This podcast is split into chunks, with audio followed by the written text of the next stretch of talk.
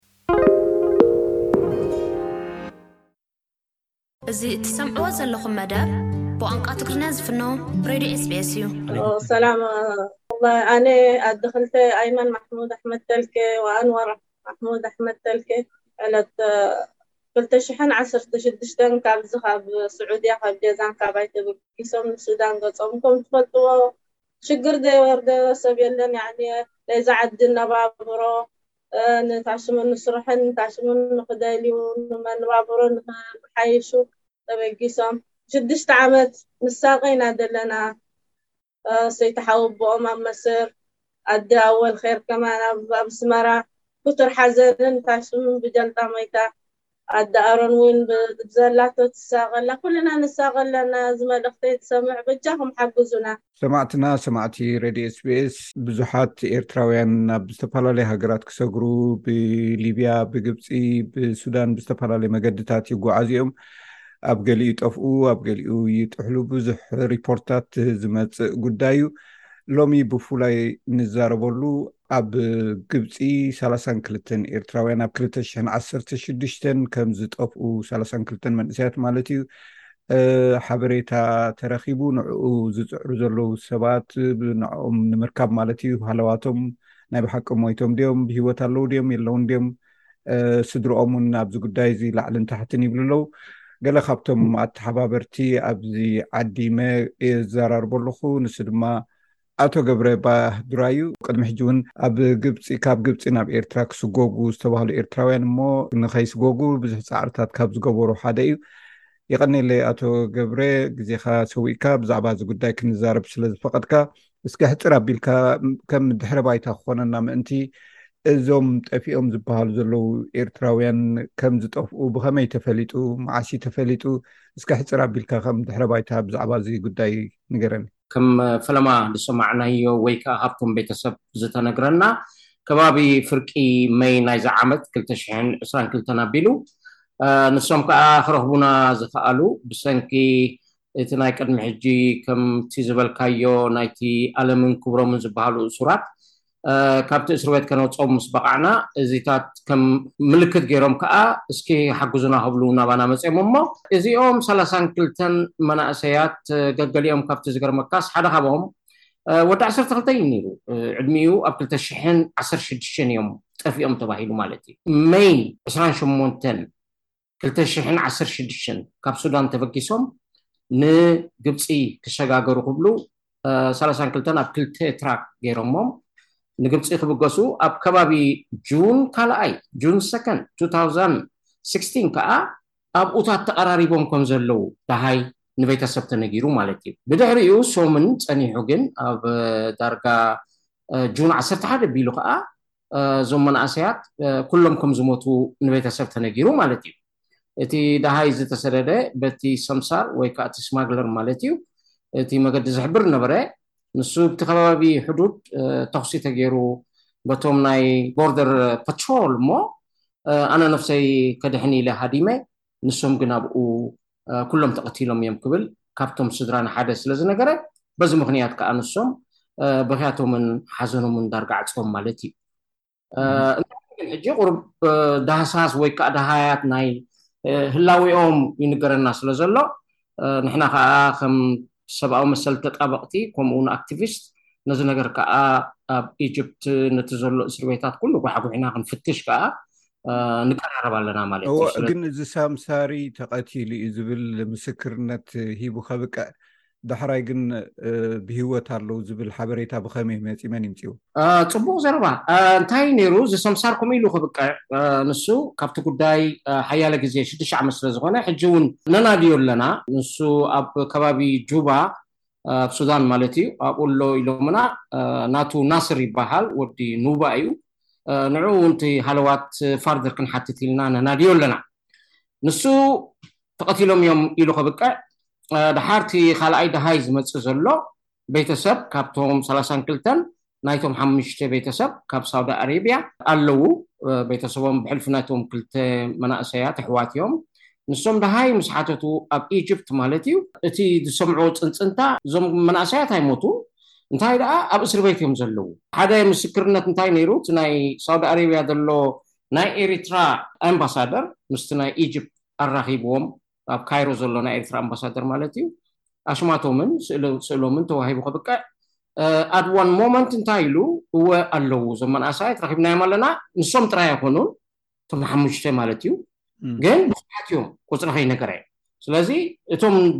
ንናድዮም ዘለና ከዓ ሰላሳን ክልተን እዮም ብዙሓት ምዃኖም ከዓ ንፈልጥ ነርና ኢና ስለዚ ብኸምዚ ተባሂሉ ከብቅዕ ደሓር ድሕሪ ቁሩብ ግዜ ግን ተመሊሱ ፎሎው ኣፕ ምስ ገበሩ እቶም ስድራ ኣፍተር ኦል ኣይረኸብናዮምን ኢና ብጌጋ እዩ ኣይተረኽቡን ኢሉ ቁሩብ ድምጺ ሂቡ ማለት እዩ ካልኣይ ቁሩብ ኣፋፍኖት ናይዚ ሃለዋቶም ብ ሰባሰብ ዘረባ ማለት እዩ ከኣ ኣብቲ ናይ ኢትዮጵያ ኤምባሲ ከኣ ኣብኡ ዝሰርሕ ሰራሕተኛ እዚ ወረ ጠፊኦም ዝበሃል ምስ ሰምዐ ንሱ ከኣ ኣይጠፍኡን ምኽንያቱ ምስቶም ሰላሳን ክልተን ሓደ ኢትዮጵያዊ እዩ ነይሩ እሞ ንሕና እቲ ምልክት ስለ ዝተዋህበና ከምዚ ዝበለ ኢትዮጵያዊ ቦርደር ክሰግር ተታሒዙ ኣሎ ስለ ዝበሉና ንዕኡ ከድና ውፅኢናዮ ስለዝስ እዞም መናእሰያት ኣይተቐትሉን ዝብል ወረ ከዓ ንሱ ከዓ ነጊሩ ሳልሳይ ከዓ ምልክት ቤተሰብ ከይዶም ምስ ሓተቱ እቲ ቦርደር ፐትሮል በቲ ግዜ ተቐቲሎም ዝበሃል ተኹሲ ተገይሩ ዝበሃል ግዜ ከዓ ንሶም ብጭራሽ በዚ ሰዓት እዚ ከምዚ ድብል ዝበሃል ኢንሲደንት ኣይነበረን ክብሉ ከኣ መልሲ ሂቦሞም። ስለዚ ካበይ ኢኹም ኣምጺኹሞ ዝብል ዘረባ እውን ከም ሕቶ መልሲ ኣቕሪቦምሎም። ስለዚሲ እተደጋገመ ወረታት ዝተሓሳሰር ከም ሰንሰለት ሃለዋቶም ናይ ምህላው ኣብቲ ከባቢ ኣስዋን ዝበሃል ኣብቲ ቦርደር ጥቓ ኢጅፕትን ኣብ ውሽጢ ኢጅፕቲ ኮይኑስ ኣብታ ፈለማ ቦርደር ትርከብ ንሳ ኣስዋን ኣብኡ ዘሎ እስሪቤት ስጅን ዝባሃል ኣብኡ ኣለዉ ክብሉ ደሃይ ስለዝሃቡና ነዚታት ሕጂ ብኹሉ መገድታት ነናድዮ ኣለና ማለት እዩ። እሞ ሕጂ ብድሕሪኡ እዚ ሓበሬታት ምስተረኽበ ናበይ ኣቢልኩም ንኣብነት ናይ ውድብ ሕቡራት ሃገራት ወከልቲ ክህልዉ ይኽእሉ እዮም ንዓኣቶም ናይ ምፍላጥ ነገራት ጌርኩም ዲኹም እቶም ወለዲ ይኹን ብኣኻትኩም ወገን እንታይ ዝተገብረ ኣሎ ፃዕርታት እዚ ኣንፈት እዚ ምስ ረኸብኩም እወ ፅቡቅ እንታይ ጌርና ፈለማ ኣብቲ ሚድ መይ ከባቢ እንድዩ ተነጊሩና ስለዚ ቀልጢፍና ንሕና እቲ ነንእሽተይ ሓበሬታታት ክነኣሳስር ጀሚርና እንኮላይ ኣብ ኢጅፕቲ እውን ቲም ኣቋቒምና ማለት እዩ ኣብቲ ባይታ ኣብኡ እውን ክሕግዙና ዝኽእሉ ከምኡ ዝብል እቲ ቁርብ ቁርብ ኢንፎርሜሽን ሰዲድናሎም ነርና እዚ ኢና ክንነግር ንደሊ ነዞም ቤተሰብ ወላ ደኣ እቲ መገድና ኣለዉ ኢልና ክነናዲ ንብል ኣለና እምበር ዘይኮነ ተስፋ ሂብና ከዓ ካልኣይ ሓዘን ክንፈጥረሎም ኣይንደልይና እንተለዉ ግን ም ኢና ዝብል ነገራት ርእቶ ኣለና ማለት እዩ ካብዞም ጠፊኦም ዘለዉ መንእሰያት ክንደይ ስድራ ቤት እዮም ኣብዚ ጉዳይ እዚ ብንጥፈት ዝዋስኡ ዘለዉ ኩሎም ክርከቡ ክኢሎም ድዮም እቶም ስድራ ኩሎም ኣይተረኸቡን ኢሚድትሊ ብናይ ዝምድና ናይቶም ሓሙሽተ ይፈላለጡ ናይቶም ሓሙሽተ ጠፊኦም ዘለዉ ዝበሃሉ እዮም ምስኦም ዳይረክትሊ ምሳና ትሰርሕ ኣደ ናይቶም ክልተ ኣላ። ካልኦት እውን ኣዝማድ ኣብ ስዊድን ከምኡ እውን ኣብ ኖርወይ ከኣ ኢንፎርሜሽን ዝህቡና ዘራኽቡና ቤተሰብ ከኣ ኣለዉ። ስለዚ እቶም ሓሙሽተ ብዝምድናን ብቤተሰብን ይፋለጡ እዮም። ስለዚ ነዚኦም ኢና ሒዝና ምሳና ነስርሖም ዘለና። ስለዚ ንፈለማ ዝገበርናዮ ነቲ ኣዳልዩና ዝብል ብሰለስተ ቋንቋ ብዓረብኛ፣ እንግሊዝኛ ከምኡ ውን ብትግርኛ ከነጽሕፎ ክኢልና፣ ትርጁማን ኣግቢርና ማለት እዩ። ነዚ ከኣ ናብ ኢጅፕት ውን ከይተረፈ ሰዲድና ናብቲ ናይ ዩናይትድ ኔሽን ሃይ ኮሚሽን ኦፊስ ናብኡ እውን ሰዲድና ኮታ መልሲ እውን ረኺብና ፋርደር ሕቶታት ዝደለይዎ ዳህሳሳት ንኽገብሩ ካልእ ከዓ ብብርኽ ዝበለ እውን ኣብ ኢጅፕቲ እውን እዚ ናይ ረፊጂ ፕላትፎርም ኢን ኢጅፕቲ ዝበሃል ኣሎ ምስቲ ናይ ኢንቴሪየር ሚኒስትር ናይ ኢጅፕቲ ዝሰርሑ ንሶም ከዓ ኣጋጣሚ እዩ ሎሚ እውን ሪፖርት ይፅሕፉ ኣለዉ እቲ ፈለማ ሪፖርት ዝጸሓፍ ነበረ ሓፈሻዊ ብዛዕባ ኩሎም ቶም ኤሪትራውያን ስደተኛታት እንኮላይ ቶም ዝተጠረዙ ክኾን ከሎ ኣጋጣሚ ግን ቅድሚ ሰሙን ስለ ሓበሬታ ዝሃቡና ነዚ ናይዚኦም መናእሰያት ከኣ ኣብኣ ኢንክሉድ ክትገብሩልና ትኽእሉ ኢልናዮም የስ ብዕላዊ ሎሚ ኣጋ ምሸት ኮፒ ክንሰደልኩም ኢና እቲ ነገራት ኣብኡ ጽሑፋት እውን ክንቅርብ ኢና ዝብል ኣሎ ስለዚ ወላ ደኣ ኤርሊ ስቴጅ ይኹን ደኣ እምበር እቲ ዳህሳሳ እቲ ኦረዲ ጀሚርናዮ ኣለና ንስጉም ኣለና ኮምኡ ውን ብርክት ዝበላ እዘን ማሕበራት ናይ ኤንጅኦስ ውን ምሳና ክተሓጋገዙና ኢሎም ኣብኡ መጽዮም ኣለዉ ሓፈ ኩሉ ብኩሉስ ሓደ ሽዱሽተ ማሕበር ውን ኣጆኹም ኣብ ጎንኹም ኣለና ዝብሉ መጽዮምና ኣለዉ ስለዚ ነዚ ነገራት ንሕና ከኣ ነቲ ናይ ኒውስ ሚድያ ይኹን ከምዚ ናትኩም ኤስቢኤስ ሬድዮ ይኹን ቅድሚ ሕጂ ውን ከምዚ ዓይነት ፕላትፎርም ተጠቂምና ብጣዕሚ ሃናጺ ኔሩ እቲ ነገርሲ ሰሪሑ ሕጂ እውን ተኾነ ብሓይሊ እግዚኣብሔር እዚ ነገሩ ክሰርሕ ተስፋ ኣለና ስለዚ እቲ ናትኩም እውን ብቀሊል ጌርና ንሪኦ ኢና ማለት እዩ የቀኔለን ሕራይ ናይ ባልት ብሓፈሻ ኣብ ግብፂ ዘለው ብዝተፈላለየ መገዲ ዝተኣስሩ ኤርትራውያን ክሰግሩ ይኹኑ ካልእ